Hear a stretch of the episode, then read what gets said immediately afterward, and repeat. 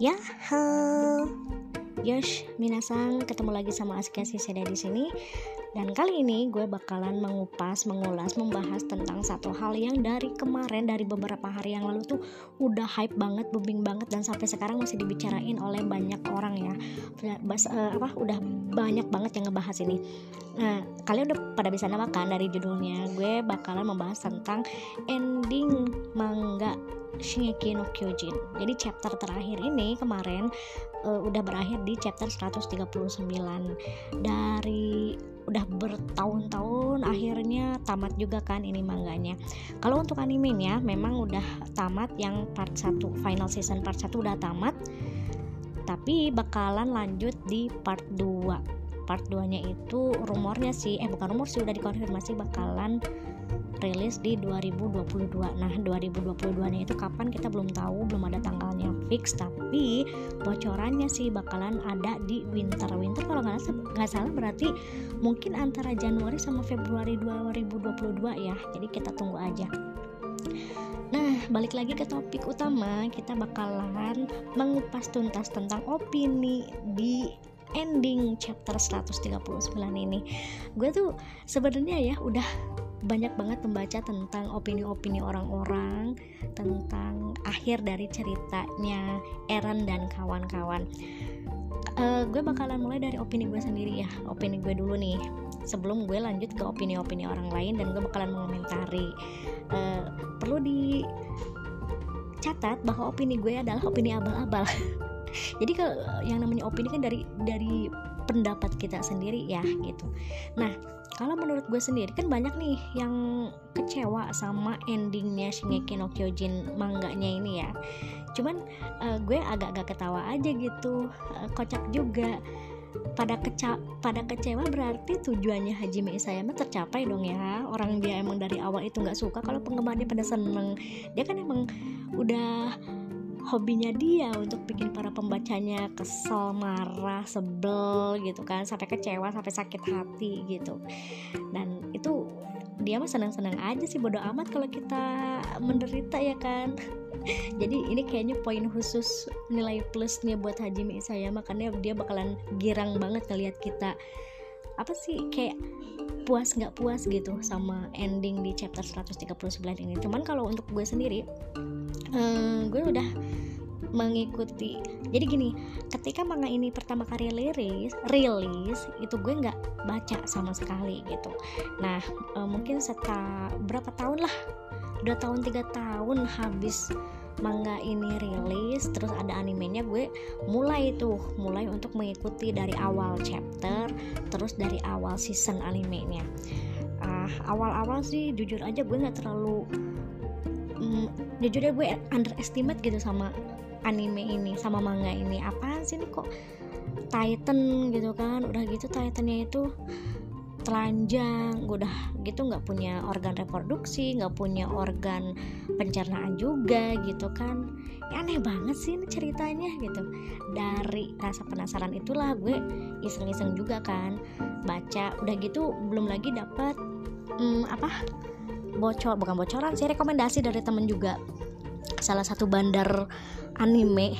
Itu dapat gue dapat rekomendasi. Coba deh lu uh, kalau misalnya kan gue gue nanya ya gue lagi ini nih pengen nambah stok anime gitu.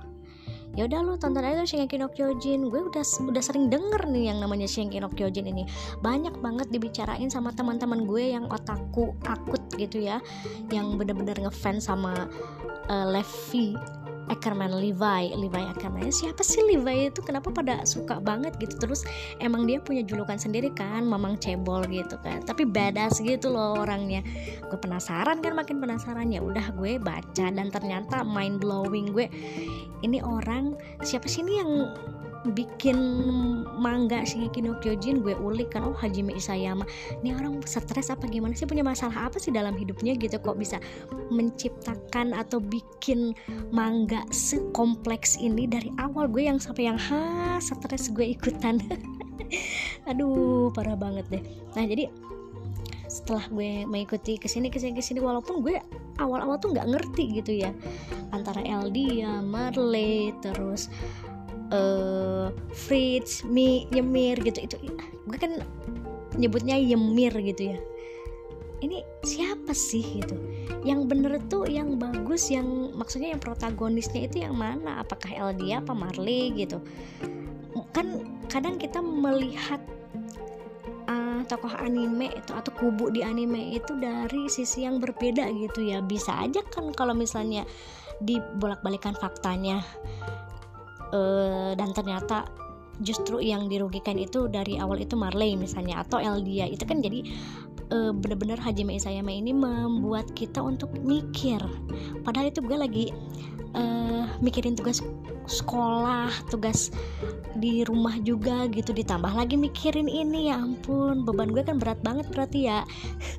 Parah banget deh. Nah setelah itu udah bertahun bertahun tahun tahun tahun tahun banget gitu kan ngikutin Shingeki no Kyojin ini akhirnya sampailah pada kemarin gue baca ending ceritanya chapter 139 dan wow gue tuh ya yang gue sempat melongo tuh dari dari chapter 139 awal sampai akhir gue diem. Gila ternyata endingnya seperti ini gitu. Dan masih ada beberapa misteri yang belum terungkap sih sebenarnya. Kayak uh, Historia ini hamil gara-gara siapa gitu. Dan ternyata gue baru baca uh, ternyata Hajime Isayama itu lupa kenapa dia bikin si Historia tuh hamil. Kan gimana sih mangkang, mangakannya sendiri tuh lupa? Terus ya sebenarnya yang, yang hamil itu siapa? Tapi banyak orang yang berspekulasi bahwa yang menghamil itu kan si petani ya.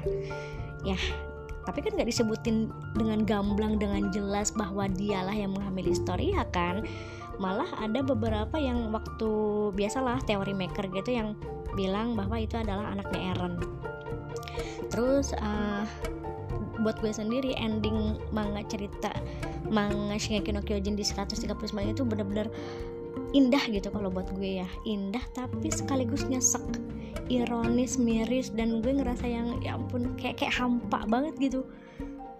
E, belum pernah gue sehampa ini ketika membaca manga sampai yang gue kalau misalnya ada di posisi Mikasa kayak gimana gue kalau misalnya ada di posisinya Levi gimana gue ketika ada di posisinya Armin ketika Eren masih hidup itu gimana? Ya kan?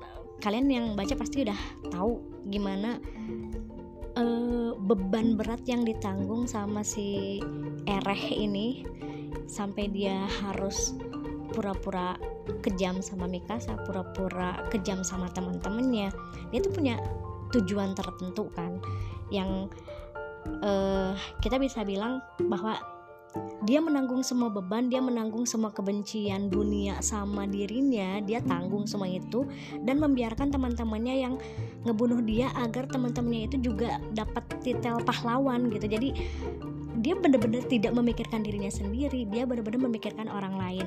Tapi dia juga sebenarnya kan manusia biasa ya.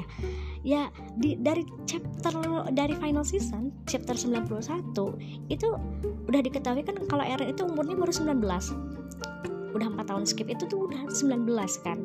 Bayangin aja dong umur 19 tahun harus nanggung beban seberat itu harus rambling ini itu dan tanpa memikirkan dirinya sendiri dibenci dianggap membelot dianggap nggak setia kawan dengan uh, korpsnya gitu. Itu gila banget ngehe banget gitu. Ya ampun kalau gue jadi dia kagak sanggup gitu kan. Padahal dia juga punya perasaan dia ada sisi manusiawinya masih ada. Nah eh ini udah mau masuk ke apa ya istilahnya tuh akhir dari opini gue ya. Ntar gue langsung masuk ke opini orang lain bakalan gue komentarin. Nah gue merasa bahwa ending chapter manga Shingeki no Kyojin 139 ini adalah ending yang gue rasa malah justru brilian gitu. Jadi banyak banget perasaan kompleks yang masuk ketika gue ngebaca akhir ceritanya. Bener-bener yang nggak cuman yang oh gitu ya ampun sedih banget.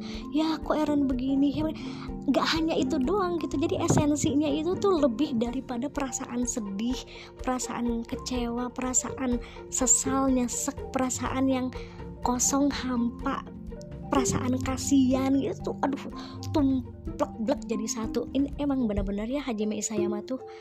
Aduh parah nih orang nih gue tahu dia gue nggak tahu dia punya masalah apa dalam hidupnya sampai-sampai bikin kita jadi seperti ini gitu dengan karya yang dia bikin. Dan kalau menurut gue justru endingnya itu nggak aneh. Kalau misalnya eh gue berarti ini nanti ya ke opini yang orang-orang gitu jadi kalau buat buat gue justru endingnya nggak aneh sama sekali. Uh, endingnya buat gue ya dari uh, apa ya dari semua konklusi gitu memuaskan. Memuaskan dalam arti hmm, apa ya? Hajime Isayama ini sukses banget membuat gue merasakan satu kehampaan aneh gitu ketika membaca chapter terakhir ini. Ketika membaca dan tahu juga melihat sendiri hmm, apa ya? Bagaimana nasib Eren juga nasib kawan-kawannya juga nasib Mikasa. Itu kayak ada yang sesuatu yang bergejolak dalam hati gue aja gitu. Cailah bergejolak bo namanya.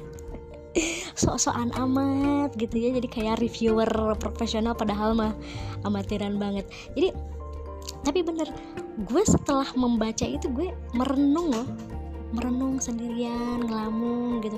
Kok begini ya? Kok begitu ya? Tapi um, gue puas. Gitu loh. Jadi aneh. Gimana sih? Lu bayangin aja lu kecewa sedih nyesek sampai nangis ketika membaca satu karya tapi lu puas. Itu yang lu cari. Gitu. Itu yang lu cari ketika lu membaca sesuatu membaca manga itu perasaan yang lu cari gitu loh. E, apa tentang akhir ceritanya. Dan gue rasa Hajime Isayama itu berhasil ya kalau buat gue. Berhasil membuat gue jadi kelimpungan setelah membaca akhir ceritanya Eren dan kawan-kawan.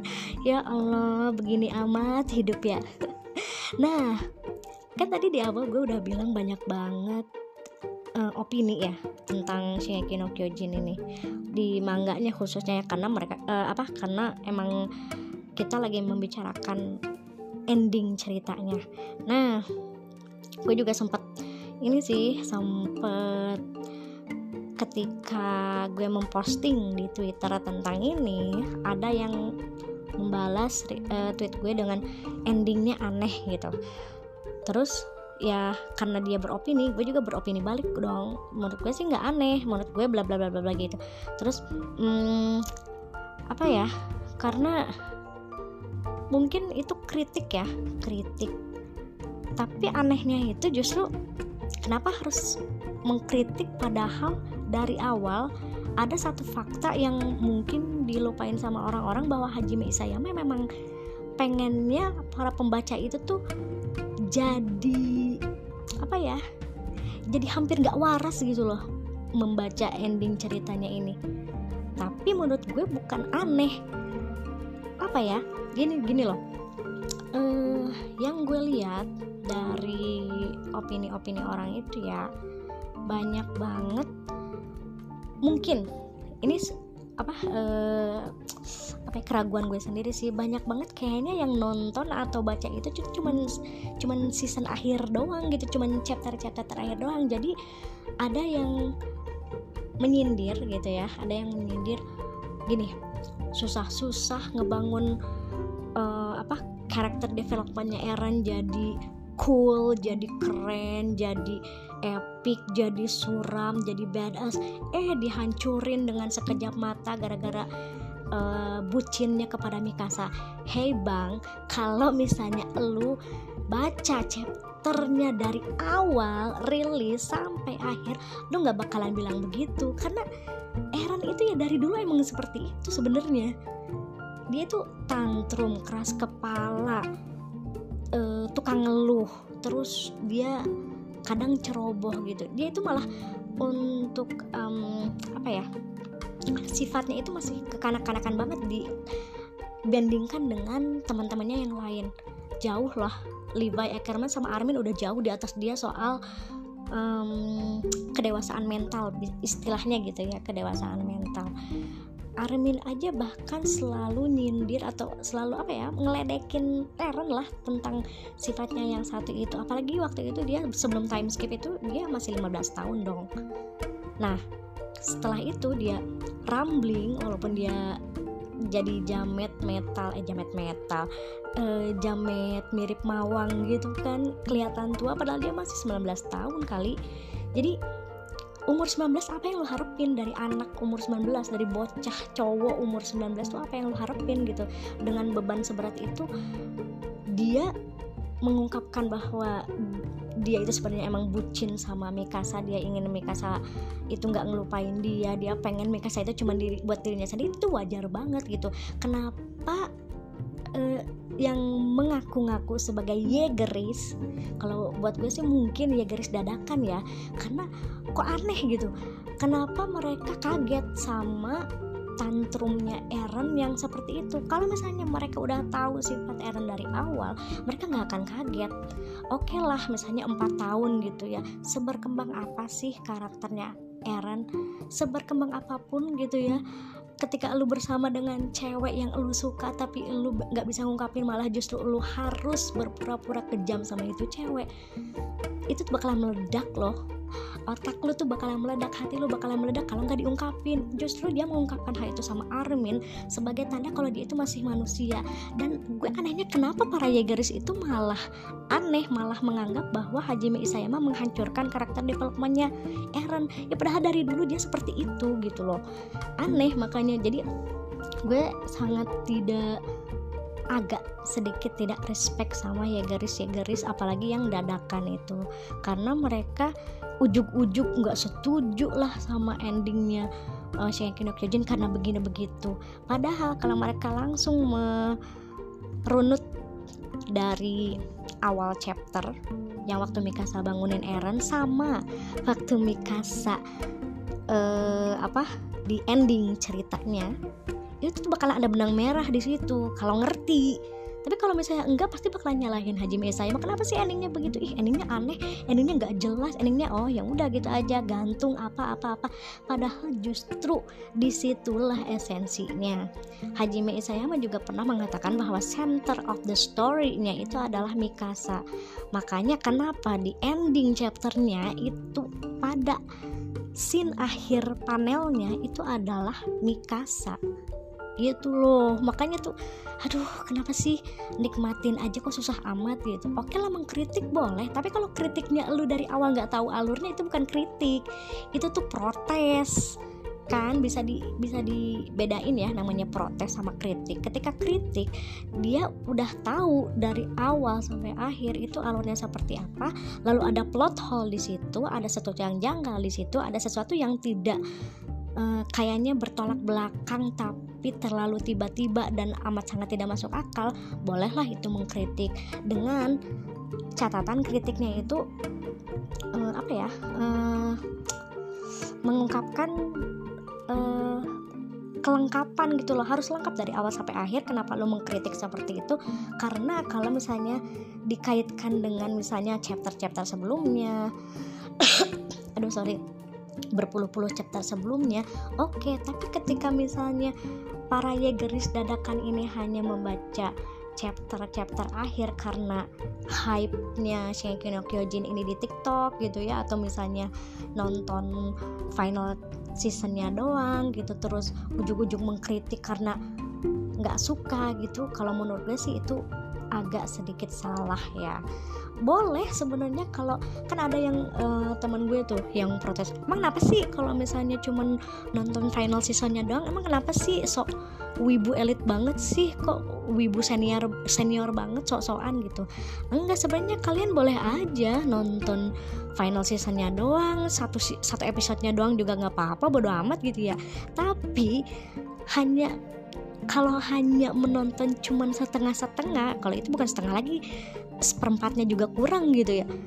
Kalau misalnya cuman se, secuil banget yang kalian tonton secuil banget yang kalian baca terus kalian protes dengan mengkritik ah endingnya aneh ah begitu begitu tanpa kalian tuh nggak mengikuti dari awal yaitu ya buat gue ya justru anehnya di situ gitu. Kenapa kalian protes padahal kalian tidak mengikuti alurnya dari awal sampai akhir? Misalnya nih gue nonton kok dari awal gue baca kok dari awal. Kalau misalnya baca dari awal sebenarnya kalian bakalan amat sangat mewajarkan kalau misalnya Eren itu yang tadinya cool suram uh, tatapannya tatapannya tajam, ekspresinya datar, ujug-ujug curhat sama Armin tentang Mikasa. Itu kalian gak bakalan bilang kalau itu aneh. Kalian bakal justru bilang ya ampun ini loh yang disimpan sama hatinya Eren selama ini.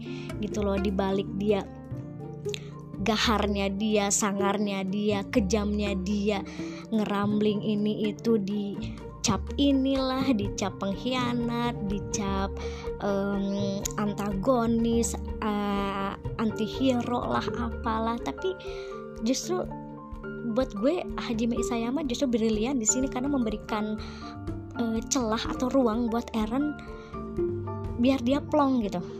Itu sih yang gue lihat dari Eren.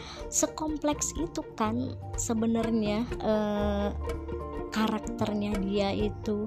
Nah jadi kalau uh, menurut gue sendiri sih ya terserah sih ya sebenarnya. Kalau mereka mau misuh-misuh mengkritik protes bla bla bla cuman ya kalau mau mengkritik mah eh, yang pasti tuh lihat dulu keseluruhan gitu jangan setengah-setengah. Kalau uh, gue ragu kalau misalnya ya geris uh, itu mengkritik padahal dia udah nonton semuanya itu gue ragu deh.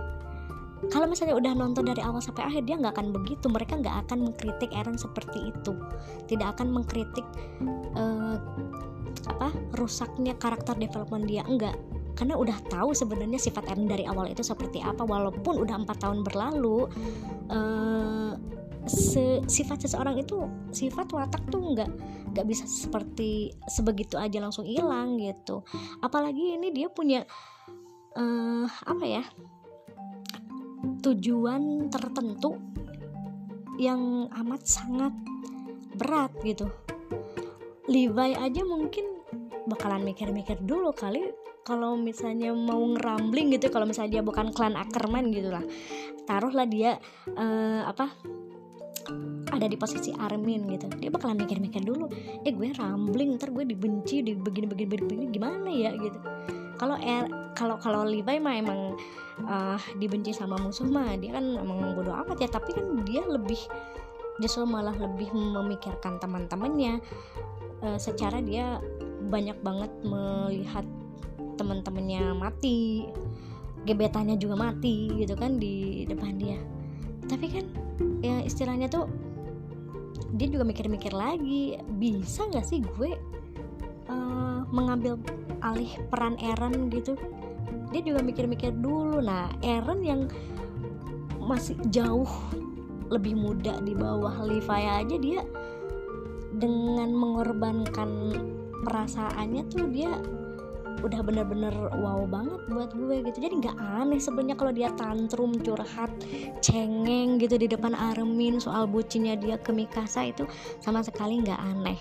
Hmm, dan sebenarnya gue tuh uh, agak kurang suka kalau misalnya ada karya yang bagus gitu lah mangga gitu ya mangga yang bagus. Terus itu ada mm, kubu fanatiknya. Karena mau nggak mau itu tuh yang namanya si karya yang bagus itu bakalan di kontaminasi sama terkontaminasi sama teori-teori yang ya mungkin ada yang satu dua oke okay lah tapi terlalu banyak teori-teori yang tidak masuk akal atau ngaco. Tapi yang bikin teori juga jadi jadi jadi apa ya sok banget gitu jadi sok yang sok paling tahu segalanya gitu melampaui pikirannya Haji Mei Sayama dan gue nggak pernah percaya sih kalau sama yang teori maker yang menggebu-gebu seperti itu yang uh, apa gue percayanya sama mangaka, mangaka aslinya aja gitu. Dan gue seneng kalau misalnya si teori-teori itu dipatahkan sama uh, kreatornya. Karena ya ngapain sih bikin teori gitu? Kalau misalnya teori sama opini kalau gue rasa itu jauh beda ya. Di teori itu kan ya jadi kayak bikin bikin apa ya? Bikin cerita baru lah yang mungkin dia prediksi lah ya. Prediksi prediksi namanya. Tapi prediksinya kadang-kadang ya bener-bener di luar nalar. Jadinya kadang gue kalau misalnya baca tentang teorinya itu apaan sih ini? Demi apa gitu kok bisa bikin teori yang seperti itu? Ya namanya juga konten ya. Kalau misalnya yang bikin konten itu misalnya dia ya udah gue bikin konten dengan menciptakan teori-teori yang bodoh amat lah nggak masuk akal juga. Yang penting misalnya teori ini e, jadi bikin orang-orang mikir dan orang-orang bakal berpikir kalau gue itu out of the box gitu selangkah lebih maju daripada kreatornya gitu. Nah itu ya itu terserah aja sih. Cuma kalau buat gue sendiri gue baca teori tapi tidak akan pernah percaya sama teori tersebut. Ya ya kalau yang gue mah percayanya sama kreatornya doang lah. Mau ngapain percaya sama teori maker kan ya istilahnya. Nah jadi banyak bang udah gitu ya. Nah ada salah satu lagi yang bikin gue uh, sekali lagi yakin bahwa yang protes-protes itu adalah orang-orang dadakan atau yegeris dadakan ya karena yang protes itu kebanyakan yegeris gitu. Yegeris dadakan itu karena mereka itu justru dikasih hoax tentang Eren yang nantinya itu endingnya itu ngopi di Paradise itu mereka pada percaya. Kalau bener-beneran Yegeris mereka bak nggak bakalan percaya sama hal seperti itu. Itu bener-bener hoax amburadul yang pernah gue baca gitu. Dan kok pada percaya gitu. Beneran ya geris. Itu kan jadi merag kita jadi meragukan mereka gitu. Ya tapi nggak apa-apa lah. Misalnya gue biasanya nggak nggak langsung mengatakan atau oh, lu ya garis dadakan. Ya nggak nggak juga sih. Cuman di hati gue ya ya ampun kasihan ini. Kayaknya dadakan gitu kok percaya aja sama teori-teori yang nggak masuk akal? Kenapa nggak kenapa nggak percaya aja sama Hajime Isayamanya aja gitu kan? Itu kan adalah hal yang paling mudah. Wah tapi gue langsung teringat bahwa warga 62 itu kalau ada yang susah ngapain? Ada yang mudah gitu kan ya? Aduh udah deh. Gue nggak ngerti lagi pusing gue tapi ya itu tadi ya gue bener-bener puas sama endingnya manga Shingeki no Kyojin ini chapter 139 ini benar-benar memuaskan. Tapi memuaskan itu benar-benar bikin gue nyesek.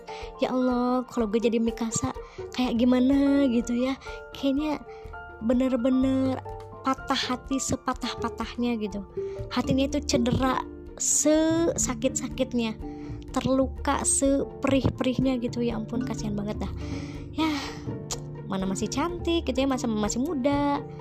Ya ampun kasihan banget tapi untunglah yang gue takutkan tidak terjadi. Kan sebenarnya sebelum sebelumnya banyak banget tuh teori atau spoiler yang mengatakan bahwa Levi itu bakalan meninggal dan jadi beban karena emang udah cacat kan mau ngapain lagi gitu kan ya. Tapi untunglah Mamang Levi ku masih hidup gitu. Masih ya walaupun dengan kondisi seperti itu ya. Tapi nggak apa-apa deh. Yang penting tetap keren tetap uh, apa ya tetap, tetap menggemaskan gitu. Ya walaupun udah tua juga nggak apa-apa deh. Aduh parah nih ya dah kayaknya mungkin seperti segitu aja kali ya. Aduh gue banyak banget belibetnya nih di sini tapi nggak apa-apa ya. Namanya juga nggak nggak di draft nggak di apa cuma ngomong ngalor ngidul doang. Tapi gue rasa sebagian dari kalian mungkin bakalan setuju sama gue gitu. Karena uh, ending yang bagus itu yang kayak gimana sih gitu kan? Tapi kalau menurut merunut ke tujuannya Hajime Isayama ya dia berhasil dong sebenarnya. Endingnya itu yang membagongkan bikin kita hah? Ya ampun ke begini? Gitu. Tapi sekali lagi gue menegaskan kalau untuk gue sendiri ending ceritanya ini di chapter 139 manga Shingeki no Kyojin ini adalah ending yang sangat epic, brilian. Gue suka cara Hajime mencabik-cabik hati kita gitu ya. Wah, parah. Ba banget ini serius keren banget sih. Tapi kalau gue ketemu Hajime gue tampol sih sebenarnya. kalau gue ketemu dia gue hajar, gue tampol, gue jambak. Kenapa begini gitu kan? Ya tapi itulah. Kalau kita mau misuh-misuh juga kalau haji mau bodo amat ya kayaknya sekarang lagi liburan kan. Duitnya makin banyak makin tenar makin wow makin glowing shimmering splendid gitu shining shimmering splendid. Terus pembacanya pada nelangsa pada menderita dianya senang-senang aja jadi makanya eh, gue percaya dia nggak bakalan peduli tuh sama opini-opini kita bodo amat kayaknya dia mah ya. Ya sudahlah gitu. Oke okay. uh, eh, kayaknya segitu aja ya. Gue juga pengen tahu nih uh, opini-opini kalian tuh kayak gimana. Kayaknya seru banget nih kalau misalnya kita diskusi. Tapi gue nggak terlalu apa ya takut ah kalau sama ya garis dadakan tuh kadang suka yang paling nyolot. Sama kayak uh, fans militannya tokoh rambut pink itu tuh yang yang di Naruto tuh sekali senggol langsung dibacok kita. Parah banget serem ngeri. Oke okay ya jadi itu opini gue tentang chapter 139 alias chapter terakhir di manga Shingeki no Kyojin. Uh, gue mungkin gue yakin juga sih kalian pasti punya opini sendiri ya. Tapi kalau ini opini gue ya gue sampaikan lah opini gue itu seperti apa. Dan gedeknya gue sama ya garis dadakan itu seperti apa. Ya tapi ya namanya ya garis dadakan pasti nggak akan pernah mau lah dipanggil ya garis dadakan. Gue tuh ya garis militan ya garis paling sejati gitu. Namanya juga fanatik kan ya. Hmm, mana mau di bilangin dikatain dadakan. Tapi kalau mereka ngatain boleh-boleh aja gitu ya. Ya udah deh. Oke makasih banget buat yang udah nyimak makasih banget yang udah dengerin. Kita bakalan ketemu lagi sama Akashi Shedai di podcast yang selanjutnya. Uh, makasih banget atas semua supportnya yang udah ngingetin gue juga. Makasih banget ya. Kita ketemu lagi nanti. Arigatou gozaimashita. Dadah. thank you